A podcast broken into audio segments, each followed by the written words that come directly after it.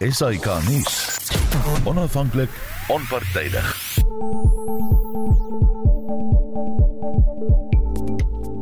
Baie dankie Limarie en welkom by Kommentaar en soos jy vroeër in die nuus gehoor het, het die minister van elektrisiteit Godsiyenso Ramakgopa gesê hulle beskou die toepassing van fase 6 beurtkrag as 'n buitengewone stap en hy sê voor November is fase 6 gereeld toegepas, maar sedertdien het die situasie verbeter. Ramakgopa het die media toegespreek oor die implementering van die regering se energieaksieplan vroeër. Eskom het gisteroggend na fase 6 beurtkrag oorgeskakel nadat twee opwekkingseenhede ontklaar geraak het. Nou later in die program praat ons daaroor asook die president se staatsrede en What is freedom without proper roads?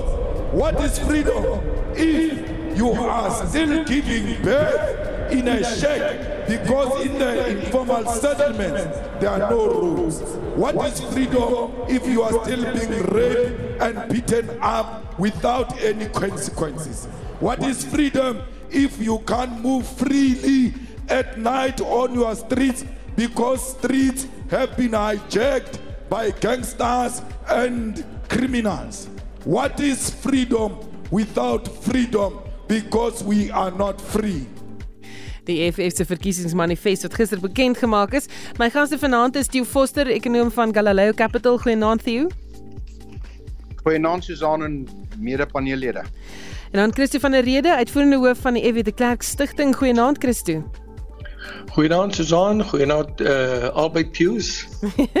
en dan 'n professor Theo Venter, dosent praktyk aan die Universiteit van Johannesburg. Goeienaand Theo.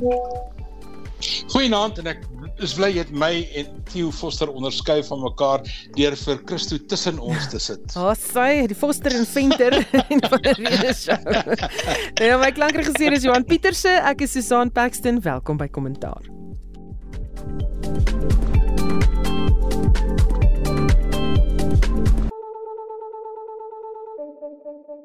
Begin met die staatsrede president Cyril Ramaphosa die afgelope week die straat, eh, staatsrede gelewer.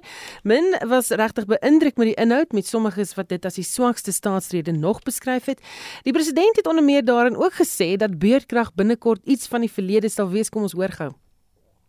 Through all these actions, we are confident that the worst is behind us and the end of load shedding is finally within reach.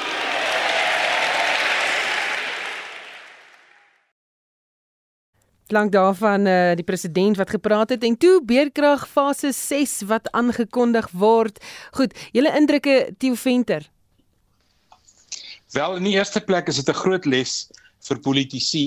Uh hulle maak twee groot foute. Die eerste een is om oorwinnings te vinnig aan te kondig. Met ander woorde om te sê ons het dit reg gekry of dat reg gekry en die tweede ding is om noodsaaklike veranderinge wat tipies 'n 'n medium tot 'n langtermyn loop het vinniger te wil laat plaasvind. En dis presies wat hy met beerdkrag wou doen en uh, dit het vir hom baie negatief uitgewerk.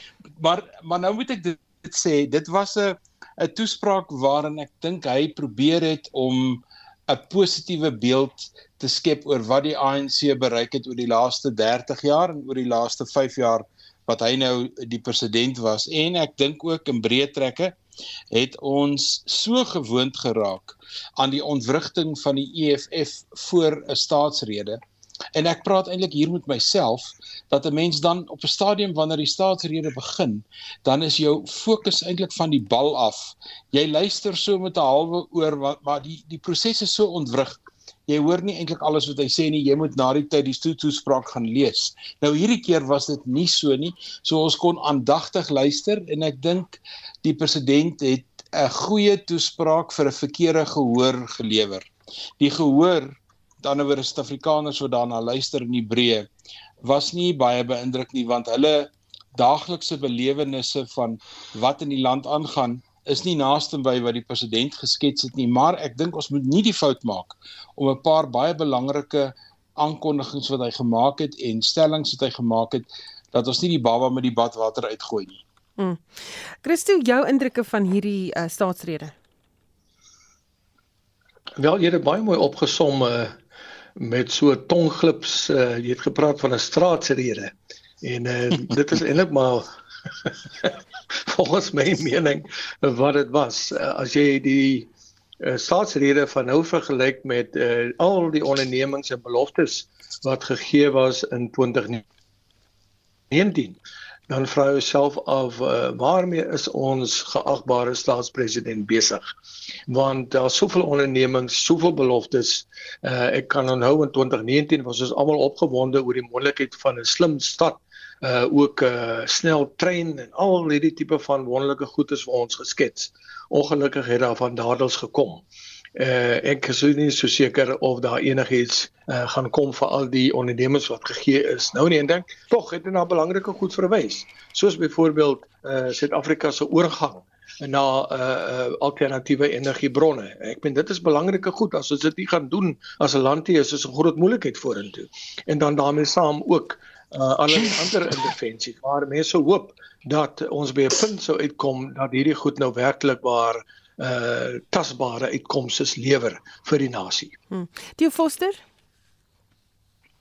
Ehm um, ek dink Susan ons moet onthou daar gaan 'n tweede staatsrede ook hierdie jaar wees en uh, net na die verkiesing en waarskynlik gaan president Ramaphosa dit ook lewer maar ek weet nie vir die ouer luisteraars sal onthou daar was op tyd 'n program met die naam van Seinfeld. En in hierdie Seinfeld het hy 'n vriend gehad so kaalkop kerel, George Costanza.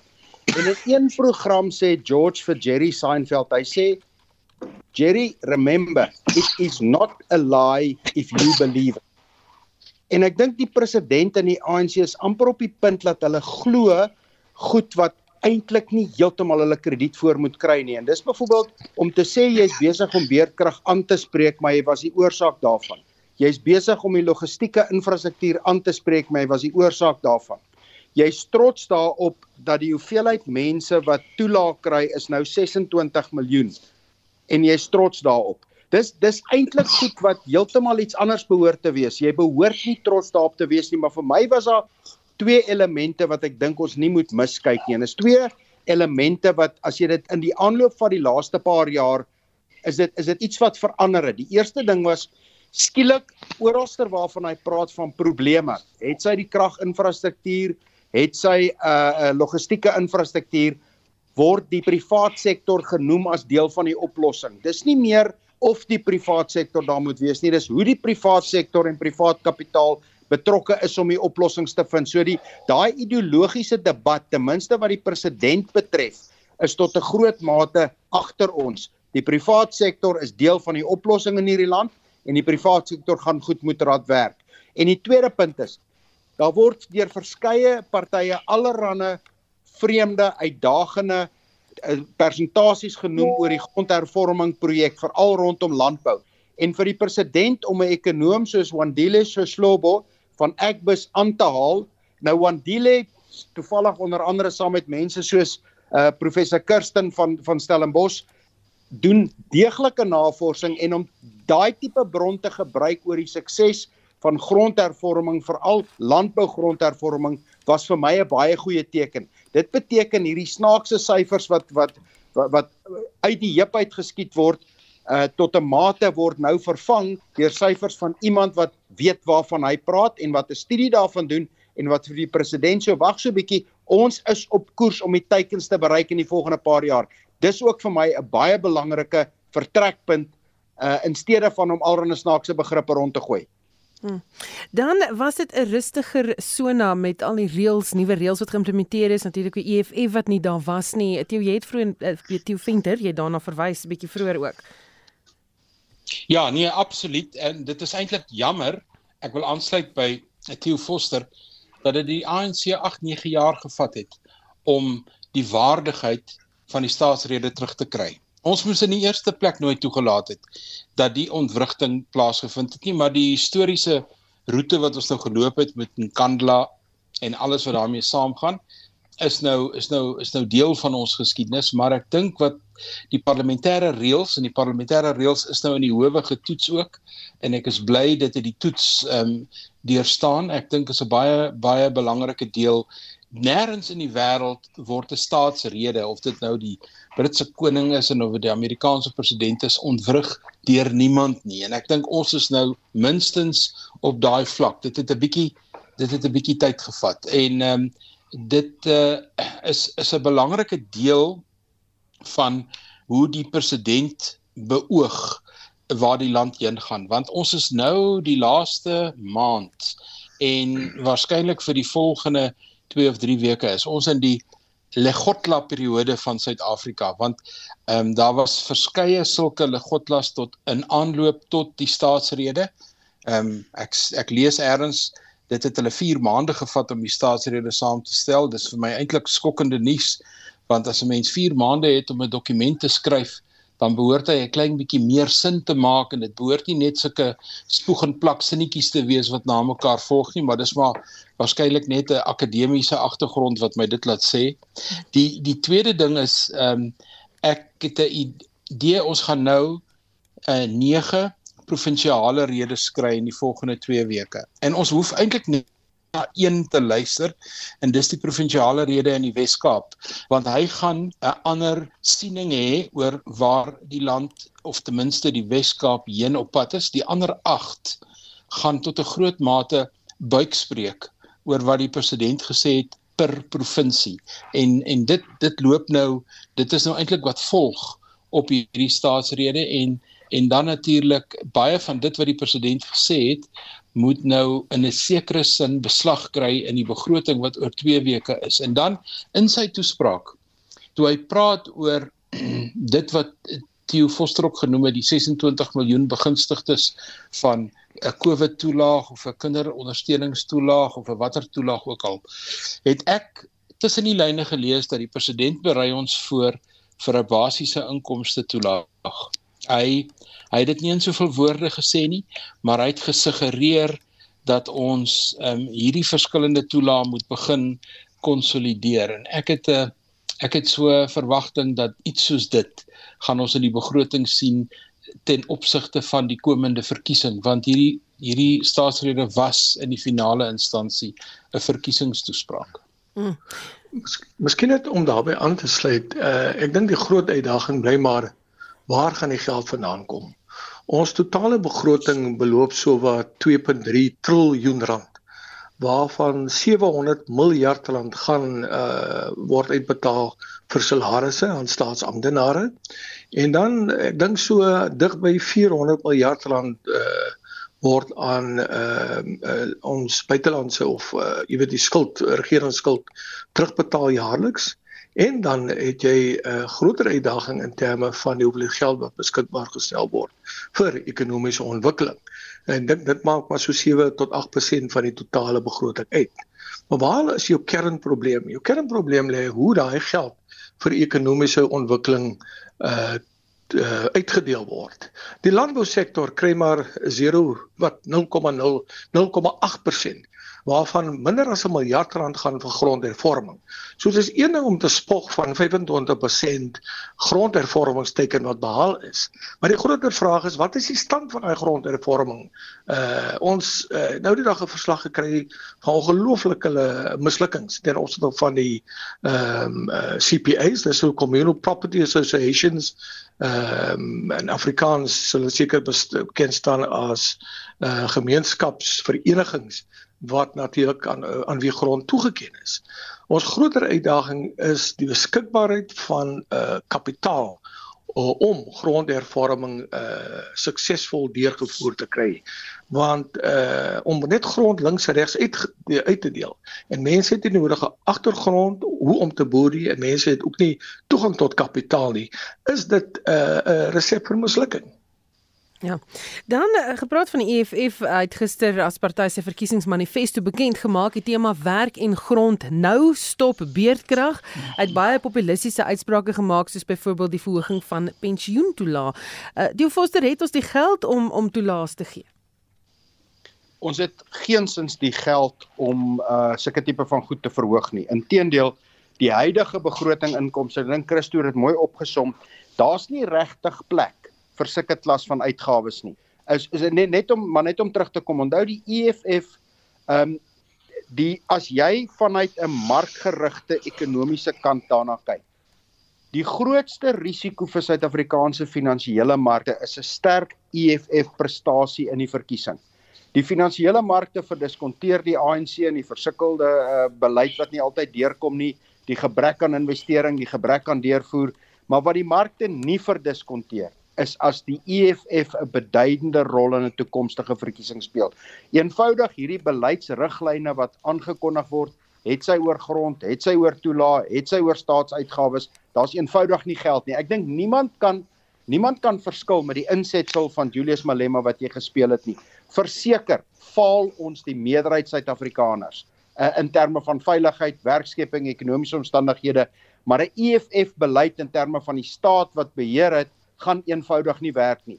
Ek meen professor Helsman van Harvard het laat verlede jaar 'n pragtige verslag saamgestel en een van die elemente in daai verslag is juis dat as ons nie 'n funksionerende staat het nie, kan ons nie 'n ontwikkelingsprogram wat staatsgedrewe is nie. Net iets wat vir my altyd teleurstellend is, as jy maar net kyk, onthou die grootste enkele party in Suid-Afrika by verre het geen leier, uh geen logo, geen beleid nie. Die grootste party in Suid-Afrika is die sowat 21 miljoen mense wat het sy nie geregistreer om te stem nie of nie gaan stem nie. Terwyl die grootste party by die stembus, die ANC, gaan orde grootte 9 miljoen stemme kry.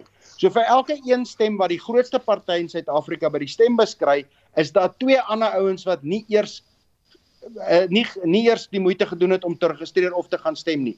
En ek dink dis eerder waar ons probleem lê.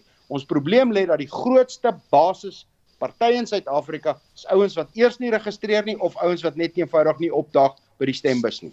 Hmm. Ek sien uh, iemand uh, stuur nou SMS en dit sê die sauna sonder die EFF is so KFC sonder 'n streetwise en baie goeie vergelyking daar. Nou ehm um, Julius Malema het die president ehm um, Cyril Ramaphosa tydens daai toespraak van hom oor die kole gehaal, maar niks gesê oor die staatsrede en die feit dat hy nie daar was nie. Uh, Theo Venter Nee, maar ek dink nie hy kan veel sê nie. Onthou hulle het alles probeer in hulle mag om om om die howe te oortuig dat die parlement verkeerd is.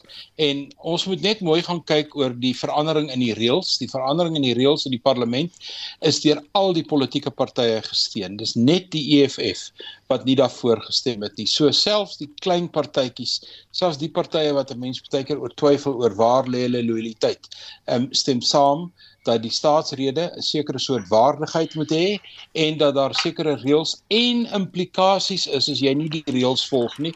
En ons weet die EFF is die politieke ontwrigters in die land en 'n groot deel van hulle steun kry hulle deur ontwrigtende optrede.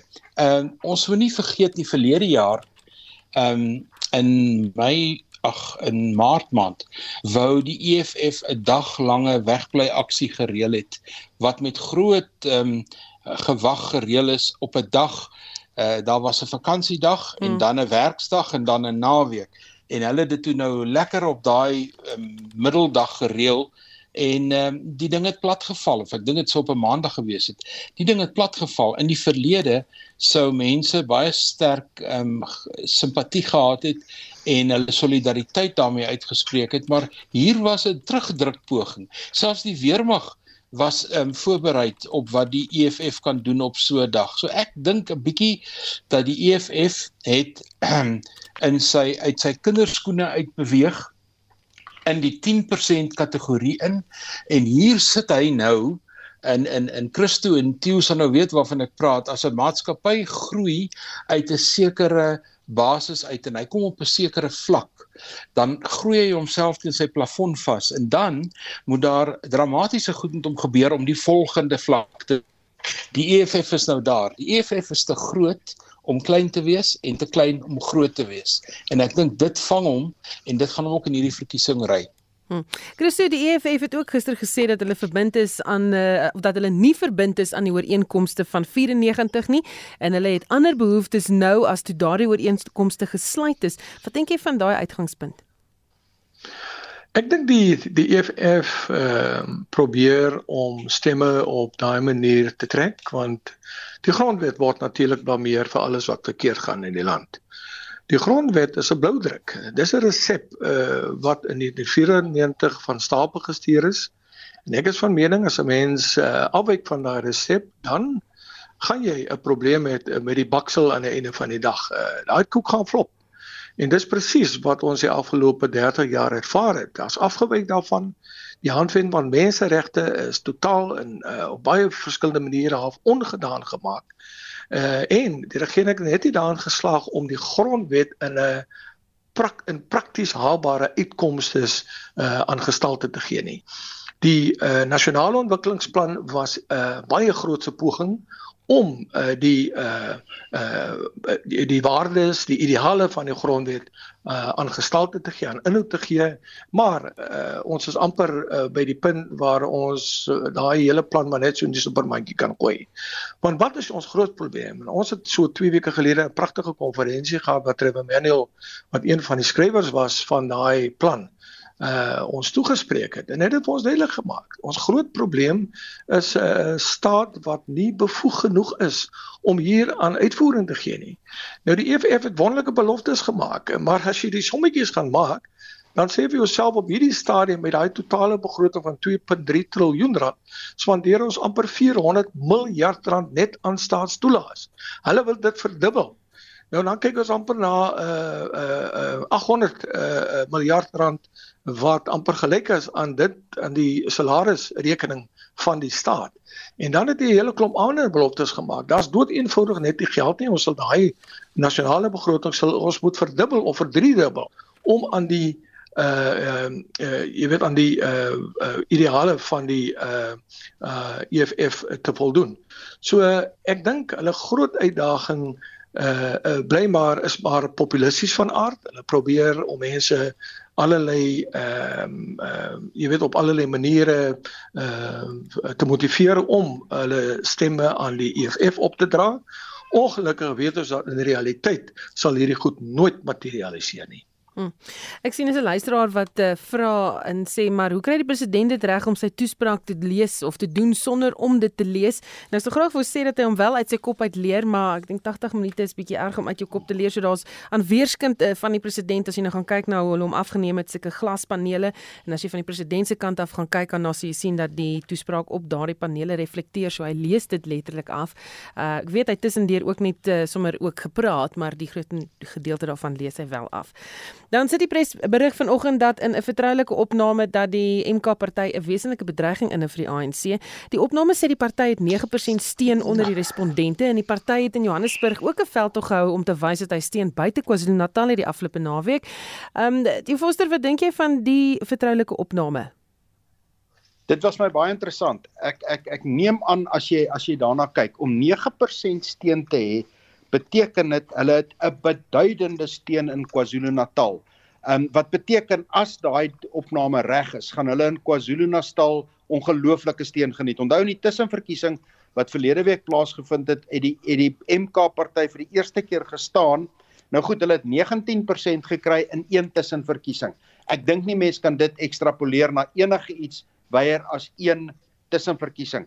Maar om 9% te kry landwyd, gaan dit beteken dat hulle 'n beduidende steun in KwaZulu-Natal het. En KwaZulu-Natal gaan 'n moeilike een wees. Onthou die laaste 15-20 jaar was KwaZulu-Natal basies deur 3 individue gedomeineer. Die koning, die Zulu koning Goodwill Zwelithini wat oorlede is. Um die uh Mangosuthu Buthelezi wat ook intussen oorlede is en Jacob Zuma wat wat nou 'n uh, ouerige kerel is en aktief daar beginne um, vir die MK party uh, die veldtog dryf. So dit gaan interessant wees om te sien hoe dit uitspeel. Ek dink uh, 9% landwyd is beduidend baie en ek dink dit is volgens my is dit 'n oorskatting van enige ander meningsopnames wat ek sover gesien het. Ek kan nie sien as hulle dit gaan kry gaan dit beteken dat die EFF van 'n 10-12% party beduidend terug gaan sak en dat die ander gedeelte van daai steen uit 'n ANC uit gaan kom. Ek twyfel of dit of hulle daarbey gaan uitkom. Ek sal besonder verbaas wees as hulle selfs helfte van die 9% kry. Nou die OFK het ook gesê dat alhoewel Zuma die leier van die party nou is, um, en hy nie verkies mag word nie as gevolg van sy um, misdaadrekord, is daar niks wat verhoed dat sy foto nie op die stembrief verskyn nie. So die venter sal mense vir die foto stem. Gaan die party die kiesers doelbewus half om die bos lei, uh, deurdat baie dink dat hulle wel vir Zuma steun. Nee, ek dink die foto is simbolies. Dit uh, ek het dit ook so ehm um, verstaan dat hulle dit wel so kan doen. Sy verkiesbaarheid is 'n is 'n is 'n ander saak, maar ek wil miskien net vir my kollega Theo Foster sê as hy nou van Zuma praat as 'n ouerige kerel en ek speel dit nou in die Amerikaanse politiek af op die oomblik dan gaan hy baie dan gaan hy baie kritiek kry. Maar maar goed, 81 is 'n baie gangbare ouderdom, lyk dit vir my. En ehm um, uh, die die saak wat wat wat Theo ook aan die orde stel, dink ek moet ons 'n klein bietjie verder vat. Dit is ehm um, ek dink die steun wat die MK party gaan kry, is steun wat hy uit die ANC gaan wegroppel. En dis die ANC is die grootste verloorder hier. So ons sien nou al reeds dat die ANC besig is om allerlei nuwe ehm um, goeders in KwaZulu-Natal te doen om beheer te neem oor die politieke strukture om die ehm um, die steun wat Zuma gekry het van die provinsiale uitvoerende komitee van die ANC om daardie suurstofkraantjie toe te draai. En ehm um, ek dink die hofsaak oor die naam MK gaan definitief nog realiseer in die volgende maand of 2. Dit gaan 'n interessante ding wees, maar ek dink wat ons hier sien is iets wat ook te doen het met die Zulu koning, die opvolger van van Goodwill Zwelithini, wie se koningskap tans in die howe is en daardie saak is op appel die koning het gegaan en hy het ehm um, uh Tulasizwe Buthelezi, 'n familielid van uh, Gacha Buthelezi, Mangosuthu Buthelezi, in dieselfde pos gaan aanstel, met ander woorde die tradisionele eerste minister. Nou die eerste ding wat hy gaan doen het, was om te sê die Ingonyama Trust grondhervorming Christo van Rede het net oor daaroor gepraat. Die, moet nou meer onafhanklik kom en hy moet wegbeweeg van toesig wat die departement van grondsake oor hom het. En ehm um, selfs die toepassing van die Ingonyama Trust is is hier ter sprake en miskien kan ek vir die luisteraars net noem as jy grond kry by die Ingonyama Trust en die Ingonyama Trust beheer om en by 29% van alle grond Natal, dan kry jy lewensreg of jy kry verblyfreg. Maar jy kry nie kaart en transport nie. Jy kan nie permanent die grond by hulle koop nie. En een van die ouens wat dit reg gekry het was Jacob Zuma. Nkandla is gebou op Ngonyama Trust grond en om 'n verband by 'n bank te kry op normale manier vir hierdie soort goed is 'n uiters moeilike en 'n komplekse ding. En ehm um, so dit vat ons terug na die Nkandla daartoe, maar Ehm um, ek dink MK is vir die ANC 'n groot uitdaging. En ons weet as 'n mens nou kyk na die 2021 onluste, dan het dit ontstaan in KwaZulu-Natal met die N3 opbeweeg tot in Gauteng, want dis die ander plek waar waar daar groot Zulu konsentrasie en Zulu steen is. En as ons nou kyk na die semigrasie in Suid-Afrika dan is daar twee bewegings. Mense beweeg van Gauteng na die Wes-Kaap toe en mense beweeg van KwaZulu-Natal Gauteng toe. So dit is dis natuurlik dat hy daar steen gaan kry, maar dis nie net die ANC wat ek dink baie gaan terugdruk teen die MK party nie. Ek dink die IFP gaan hulle deel opdoen. Christo, wat dink jy van hierdie party se kans oor die algemeen? Weet jy dis eintlik hartseer en dis eintlik uh, uh skandelik dat ehm um, uh ons hierdie tipe van politieke tendens het waar uh politieke leiers terugval op ehm um, ehm um, ou etiese uh mobilisering van gemeenskappe, uitgediende etiese mobilisering. En dit is teenstrydig met wat ons grondwet van ons vereis. Ons grondwet praat van 'n nie rassige samelewing. Met ander woorde, ons verby uh etnisiteit kom. Uh in Engels praat ons van tribalism. En ongelukkig sien ons op groot skaal dat uh uh politieke leiers die maklike uitweg volg. Ons het die Patriotic Alliance wat byvoorbeeld uh bring mense uh, uh op mense fokus en hulle uh jy weet uh mobiliseer teen ehm uh, ehm uh, uh, buitelanders. Uh ons het ook uh die Zuma MK party wat 'n baie sterk etiese Zulu basis uh aanvuur uh en die natuurlike EFF wat alles wat wit mense sien as die groot vyand. Uh en ek wil nie eens van die ander partye praat nie. En ongelukkig soek ek die politieke leier wat in 1994 vir ons weer die belofte van 'n nuwe rassige samelewing, samelewing wat gebou is op grondwetlike waardes, 'n grondwetlike demokrasie wat dit aan ons kan voorhou en weer ons as 'n nasie kan saambind en saamsnoer om te sê maar hier is 'n handves van menseregte. Kom ons fokus daarop. Kom ons kyk hoe ons dit in die praktyk aan inhoud kan gee. En uh vandag sit ons met van die swakste politieke leiers denkbaar. En die uiteinde nou is dat ons met amper meer as 360 politieke partye daar buite sit. Elkeen uh wat fokus op uh jy weet een of ander vorm van etniese mobilisering om uh in die parlement 'n posisie te verkry. Hmm, gaan definitief interessant wees. Die nuwe eerste minister Theo Venter waarna hy verwys, um, is pastoor Tulasiswe Buthelezi. Hy het ook in 'n brief die afgelope naweek sy planne en geskiedkundige verbintenis met die monarg uiteengesit. Ek sê net vir ons wie is hy? Waar pas hy in? Kom ons begin eers by die posisie. Die posisie is nie 'n statutêre posisie nie. Dis nie soos 'n soos 'n premier van 'n provinsie nie. Dis 'n tradisionele posisie wat geldig is binne die etno-kulturele etno uh omgewing van die koningshuis. En eintlik is hy maar die die hoofraadgewer van die Zulu koning. Dis maar eintlik wat hy doen. Nou Buthelezi en die Buthelezi stam om nou terug te keer na Christus se stelling oor oor stam en en tribalism. Die Buthelezi stam was 'n baie belangrike stam in die samevoeging, samesmelting van uiteindelik 'n Zulu nasie wat oor 'n periode van omtrent 150 jaar plaasgevind het. En uh, alhoewel hulle een van die dominante stamme was binne die noordelike Nguni wat ons nou vandag die Zulu noem, ehm um, het het het uh, Mangosuthu Buthelezi hiervan 1956 57 die posisie van die hoofraadgewer eintlik sy eie gemaak. En hy het 'n posisie uitgekerf in in Zulu politiek wat eintlik onaantastbaar was. En daardie posisie is nou die wat uh, Thulasizwe Buthelezi nou wil inneem.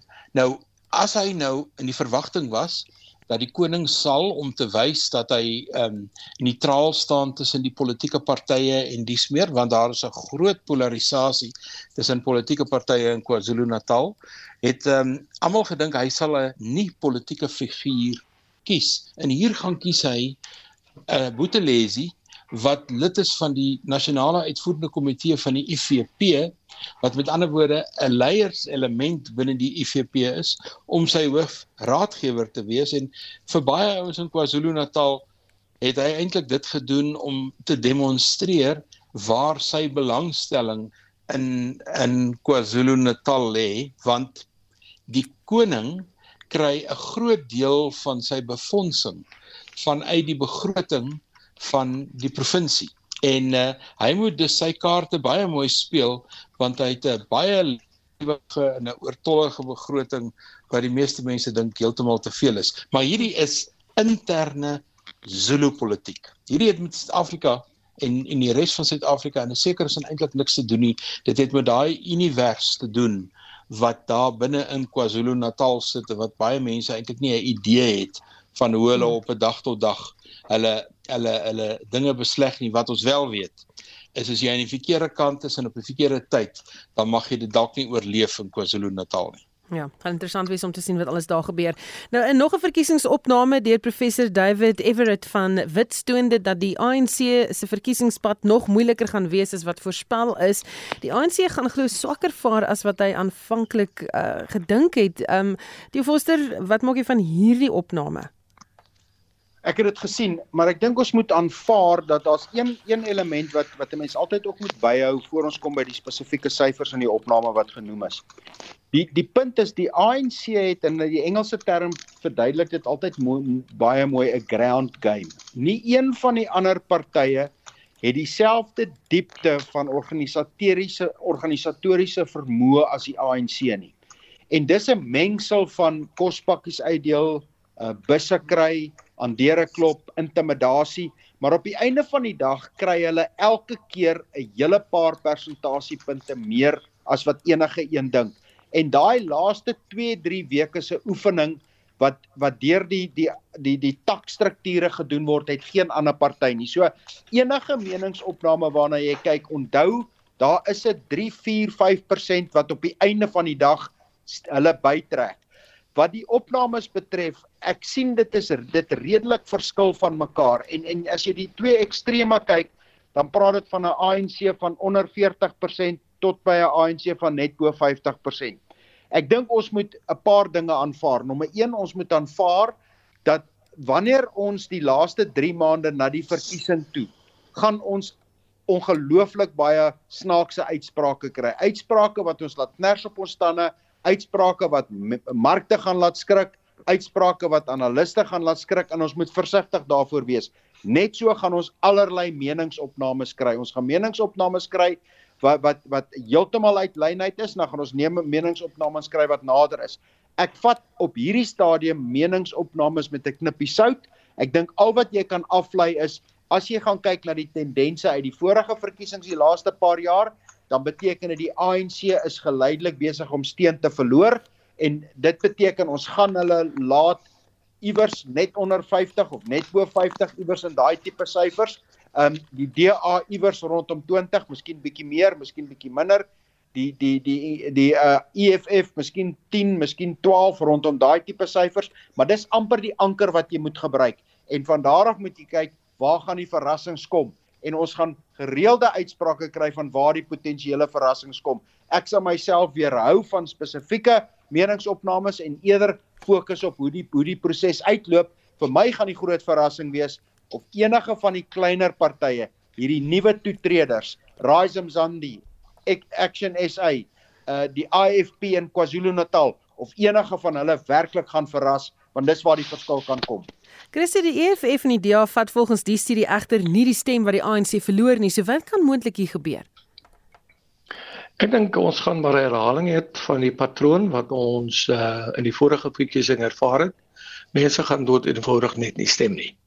Uh ons moet onthou dat die ANC word nog steeds gesien as die party wat swart mense hulle vryheid gegee het in hierdie land. Dit is ook die party wat uh 'n hele klomp dinge reg gekry het aan die begin en dit was om uh, huishoudings op groot skaal te elektrifiseer, om uh huise op groot skaal te bou en uh, natuurlik uh, daarmee saam ook die welsinstoelae en al die ander goed uh wat uh, en dit dit maak dit baie aantreklik vir vir al arme mense. Maar ek dink ehm um, ons gaan uh ook baie desperate pogings sien van die ANC om veral uh, jou arm um, uh, persoon by die stembus uit te kry met die beloftes van uh welsinstoelae en ander lei ander ehm um, uh regerings uh hulp of ondersteuning maar uh, ons gaan 'n groot uh, deel van veral die middelklas sien wat dood eenvoudig net nie gaan stem nie. En die rede is eenvoudig. Hulle wil nie vir 'n ander party stem nie want hulle bly lojaal teenoor ANC. Maar die wegbestem vir my is 'n strafmaatreël om die ANC op een of ander manier tot sy sinne te bring en om veral na die behoeftes van die middelklas om te sien want ons middelklas het oor tyd verarm ehm um, ons my groter vraag of die groter probleem vir my is in hoe mate kapitaliseer die DA, die Vryheidsfront uh, en ander partye binne die koalisie strukture om dalk die middelklas te oortuig om vir hulle te stem. En uh hoe byvoorbeeld troef hulle die uitsprake van die EFF en beloftes wat gemaak word uh teenoor maar dit is die realiteite, die begrotingsrealiteite. Uh, ek sien nog nie dit deurkom nie. Ek sien nog nie 'n manier of 'n uh, aksie van uh, jou uh, koalisie vennote om werklik waar die ehm um, massas daar buite te oortuig om vir hulle te stem nie. En ek weet nie wat die uitdaging is nie. Dit maak dalk 'n leierskap probleem wees, maar ek dink as die koalisie vennote nie hulle huis in orde kry nie, gaan hulle nie noodwendig daai stem kan afrokkel nie. Hm. Die um, vind ek soos Susan, ek ek wil by by Theo Foster aansluit oor die tendense eerder as die spesifieke getalle.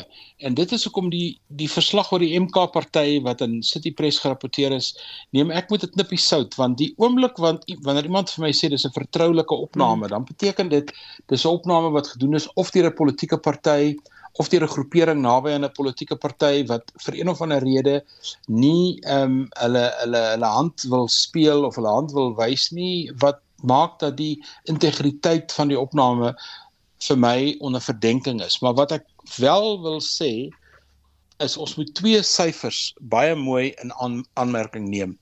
Een is 'n is 'n is 'n is 'n langtermyn tendens en dit is dat Suid-Afrikaners is besig om te verstedelik teen 'n redelike tempo. Die huidige syfer volgens die sensus van verlede jaar, die jaar van tevore, staan verstedeliking nou op 67%. Uh mense moet dit maar eintlik in Suid-Afrika verdorping en verstedeliking noem, want dit is groot dorpe en stede. Dit beteken omtrent 30% Suid-Afrikaners woon in die platteland, in die landelike gebiede. En wanneer die ANC na 'n verkiesing toe gaan, dan het hy daai 30% tot 'n groot mate in sy sakkie. So hy gaan na die verkiesing toe met 30%. En dan kan die ANC verder nog staatsmaak en wat my aanbetref op nog 5% in terme van die rol wat hy speel as regering van die dag. Hy kan die lakens uitdeel. So die ANC gaan na die verkiesing toe met 35%. Sy uitdaging is kan hy die ander 15% wat hy nodig het om by 50 uit te kom, kan hy dit in die stede kry. Dit is sy groot uitdaging en ek dink dit is waar die verkiesing van my maand gaan afspeel ehm um, uh, gaan wees in ons stede en in ons groot dorpe tot 'n baie baie groot mate. Hm. Goed dan Eskom en beerdkrag fase 6 die minister het vanoggend bekend gemaak wat aangaan. Hy het ook die media toegespreek en uh, dit wat die president in die staatsrede gesê het oor beerdkrag beamoen. Kom ons hoor gou wat hy sê. Your ability to measure the performance of the team is easy. The amount of hours that your lights are on during this period relative to the same period last year. And if there's an improvement, the lights are on most of the time, it means that the team is uh, moving in the right direction. If the lights are on for a reduced period of hours compared to the same period last year, it means that we are regressing and therefore the team is not keeping up to its promise. So we know that the last time we had experienced stage 6 load shedding was in November and in fact we had 6 days of load shedding. We know that in December, six days of stage six load shedding. We know that in December, we did not have this stage six of load shedding. And in fact, the highest stages of load shedding, eight days that we have had in December, was stage four. Of course, it means that uh, for the remainder of uh, December, we have outperformed, if you like, the summer plan. And that's why the president is saying that we are ahead of the curve. We can see that there's a light at the end of the tunnel in our quest to resolve load shedding. Nou ja, as hoor nou wat hy gesê het in die president een groot breek en dan is ons weer in die donker. Ehm um, Theo Foster, dink jy daai beerkrag is amper op 'n einde? Uh ek dink nie dis amper op 'n einde nie, maar ek dink definitief ons is besig om vordering te maak. En daarmee bedoel ek nie dat dit die staat is wat die vordering maak nie. Ek bedoel nie dat dit Eskom is wat die vordering maak nie. Um ons is op op 'n konstante basis besig om privaat sektor krag by te dra. Elke enkele sonpaneel op elke enkele huis se dak is besig om kragopwekking te privatiseer en is besig om dit weg te vat van die staat. Hierdie hele elektrisiteitsstruktuur of elektrisiteitsstelsel gaan opgelos word nie deur Eskom nie. Eskom gaan net 'n speler wees. Dit gaan privaat sektor kapitaal wees, privaat sektor transaksies en modelle wat wat 5 jaar gelede nie bestaan het nie wat ons stadig gaan in plek kry hier byvoorbeeld goed soos wat die Engelse term wheeling, daai tipe kontrakte, 'n privaat opwekking, baie meer effektiewe gebruik van krag, maar ons sal die langtermyne Eskom moet hê wat beter presteer as wat hy nou presteer. Ek dink die goeie nuus vir Suid-Afrika is dat en en dis nie veel dat ek saamstem met Fakile en Balula nie, maar hier stem ek saam met hom dat die ANC besef hulle grootste bedreiging of grootste opponent in die 2024 verkiesing is Eskom en daarmee bedoel hy beerdkrag en die gebrek aan aan aan aan aan konstante kragtoevoer is die grootste vyand vir uh, vir die ANC by die stembus. Ek stem saam met hom. En die ANC besef dit wat beteken hopelik gaan ons oor tyd nader aan 'n oplossing kom, maar om te sê hierdie kan deur in 'n in die korttermyn opgelos word, die Eskom se kragopwekkingsvermoë is eenvoudig te onvoorspelbaar, te oud en, en, en om voorspellings te maak gaan jou nêrens bring nie. Hierdie gaan tyd neem en daai tyd is nodig om nuwe kragopwekkingsinfrastruktuur in plek te kry en dit word deur die private sektor gedoen. En dieselfde geld vir wat die president ook in sy so na, verwys het, dieselfde gaan vir die transmissie infrastruktuur. Uiteindelik gaan dit privaat kapitaal wees wat daai probleem moet oplos en ongelukkig gaan dit tyd vat. Hm. Maar ehm um, Susan ek wil net byvoeg dat die uh dis 'n dis 'n energieverandering wat van onder af boontoe plaasvind. Ehm um, ons het ons het 'n Eskom nodig vir swaar industriële en ander ehm uh, ehm um, industrialiserende soort van vereistes, maar vir die gewone man op straat uh en en hier praat ek van middelklas, ek praat van die townships waarin ek kom, ek praat van Makoko's waarin ek kom, het mense klaar begin planne maak hoe om met beerdkrag te handel en watse planne hulle in plek kan hê en wat hulle alles kan doen. En die beste instrument, die beste aanduiding wat 'n mens kan kry oor hoe gewone individue vir hulle self begin sorg, is gaan kyk na die inkomste patrone by plaaslike owerhede en jy sal sien dis oralster het dit 'n afwaartse tendens. Mense betaal minder aan water en ligte rekening want hulle gebruik minder krag. En stadsrade se grootste bron van inkomste is hulle kragrekening wat hulle aan ons verkoop en dit is besig om stadig maar seker af te neem. So alhoewel ons die energieprobleem stadig maar seker gaan oplos, skep ons eintlik 'n tweede probleem wat ek nie 'n vinnige oplossing voorsien nie en dit is falende plaaslike owerhede. Christo? Ja. Maar, maar Susan, ek dink uh, Eskom is besig om 'n perd op te saal. En uh, ek wil dit uh, motiveer aan die hand van die volgende. Teen uh, einde 2023 het hulle sowat 8000 megawatt uh van sy ontwikkelingsaanlegte uh, het hy uh, vir beplande instandhouding uh uitgehaal. Maar uh, hulle het net nie daaraan geslaag om uh, baie van hy eenhede weer uh terug te kon gee nie. En ons uh, betaal nou die prys daarvoor. Dit help nie hulle probeer om op groot skaal uh uh jy weet uh, kragsentrale in stand te hou en dit te probeer regmaak net maar nie goed bly breek. Uh en die minister het dit uh, vandag daarna verwys uh, dat van die turbines werk nie en ehm uh, dit is net een groot groot gemors. Uh en ek stem saam. Ek dink die private sektor moet uh, nou op groter skaal toegelaat word om krag te help genereer en ons moet dit maklik maak vir Jan publiek om uh sonpanele en die goed uh, uh aan te skaf. Dink die president het ook daarna verwys in sy staatrede. Maar al die goed kos geld uh en ek dink daarmee saam moet uh die president se uh, span wat hy saamgestel het bestaande uit privaat sektor en ehm um, staats of uh, uh amptenare uh daai span moet natuurlik nou sorg dat ons die uh uh elektrisiteitsvoorsieningsnetwerke op groot skaal uitbrei. Want dit is waar die groot probleem lê. Ons het net nie genoeg transmissielyne om byvoorbeeld al die krag wat die Noord-Kaap kan opwek in terme van sonkrag om dit af te lewer in bepaalde gebiede nie. Hm.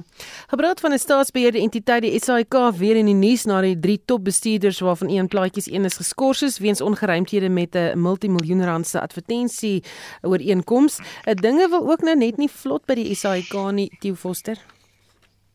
Ja, dis ongelukkig is dit baie teleurstellend. Dit lyk vir my en nou praat ek net suiwer van die nuusberig wat ek gesien het, maar dit lyk vir my dood eenvoudig oneerlikheid.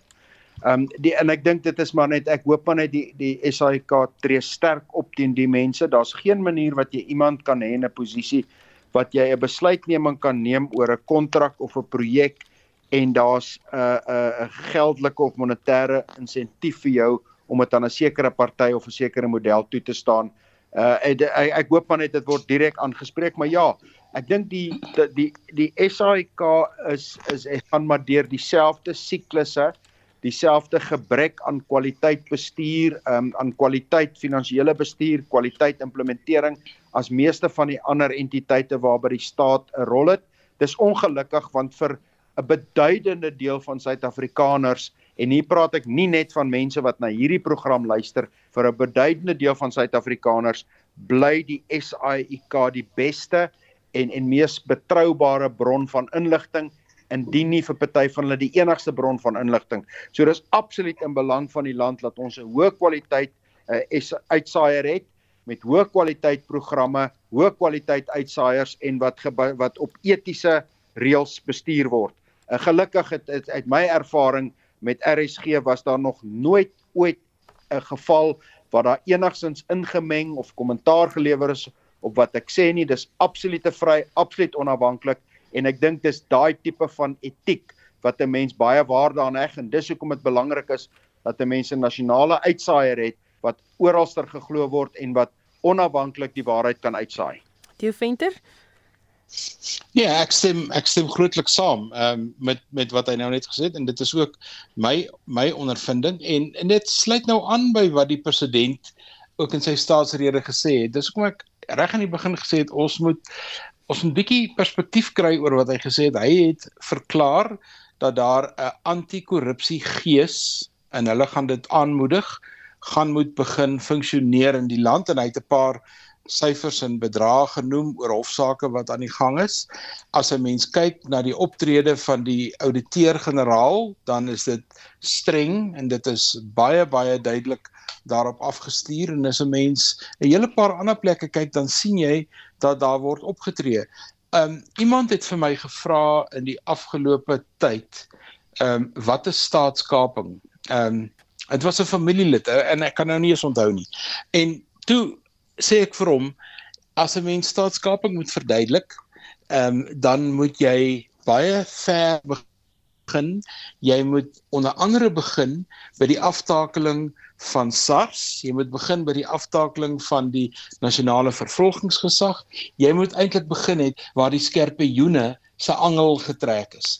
As jy al hierdie instrumente van die staat wat eintlik op korrupsie eintlik gebou is daarop om korrupsie om teen korrupsie werkend te wees. As jy dit afbreek dan uiteindelik dan kan jy staatskaping doen en dan kan hierdie soort korrupsie uh om homself manifesteer. En deel daarvan ook in die privaat sektor is dit 'n baie baie streng toepassing en ek sien dit op 'n paar ander plekke waar ek ook betrokke is soos by universiteite dat die korporatiewe beginsels baie streng toegepas word en dat mense dit baie sterk volg. En as jou bestuur swak is en jou bestuur is nie op standaard nie is die eerste plek waar 'n organisasie gly is by goeie korporatiewe reëls sogenaamde corporate governance Hmm, interessante tye. Dan 'n nuwe voorgestelde wetgewing deur die Kongres in die FSA word dan nou geëis dat die FSA al sy bilaterale ooreenkomste met Suid-Afrika heroorweeg.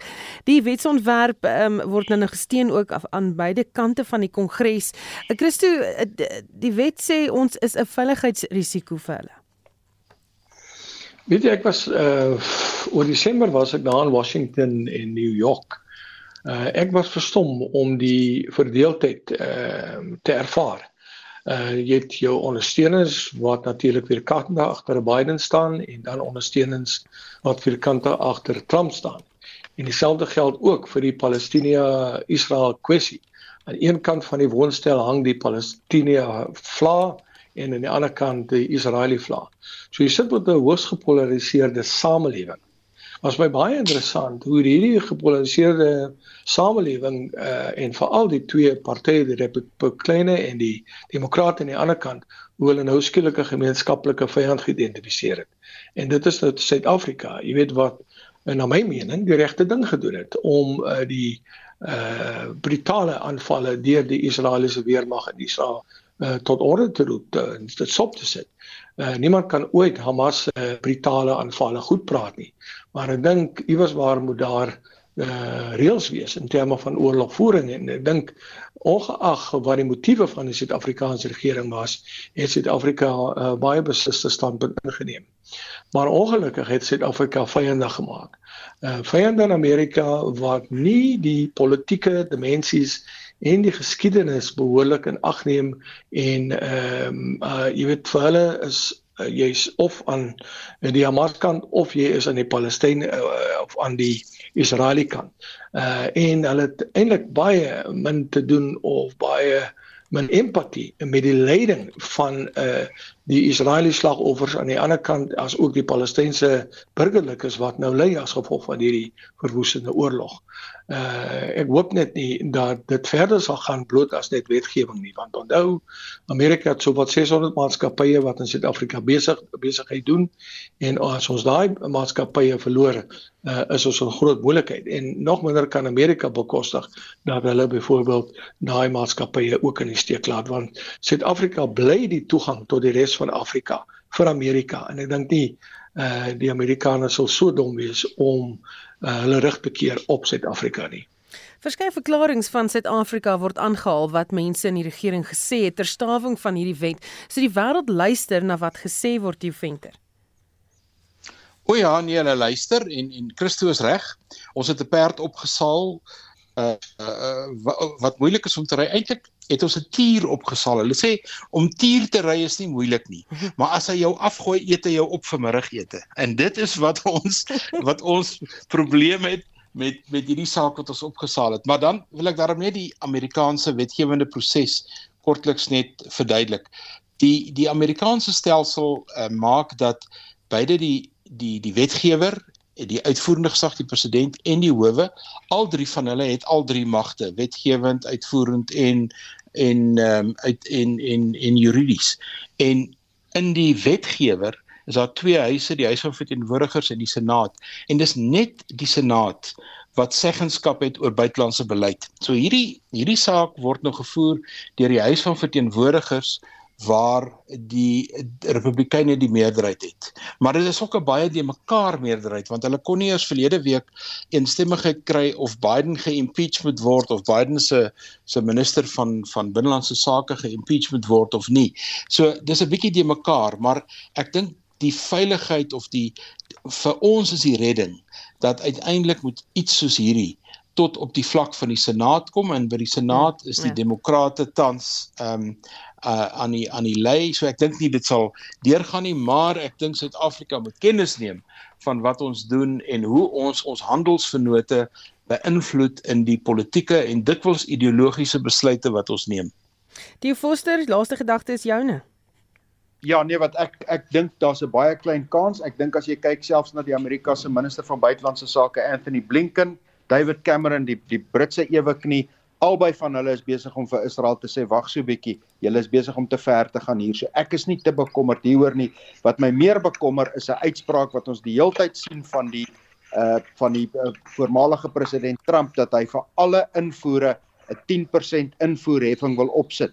Dit gaan nie net Suid-Afrika direk raak nie. Ons groot probleem gaan indirek wees want skielik gaan allerlei lande wat uitvoer Amerika gaan nuwe markte moet begin soek en vir my is daai 10% is 'n baie baie groter risiko as enige iets wat ons uh, heidaglik sien. Hm. Nou ja, dit was dan nou kommentaar vir vanaand. My gaste was Theo Foster, ekonom van Galileo Capital wat jy pas gehoor het, Christo van der Rede, die uitvoerende hoof van die de Klerk Stichting en dan 'n professor Theo Venter, dosent in praktyk aan die Universiteit van Johannesburg. My klankregisseur Johan Pieterse, my naam is Susan Paxton. Geniet die res van jou aand. thank you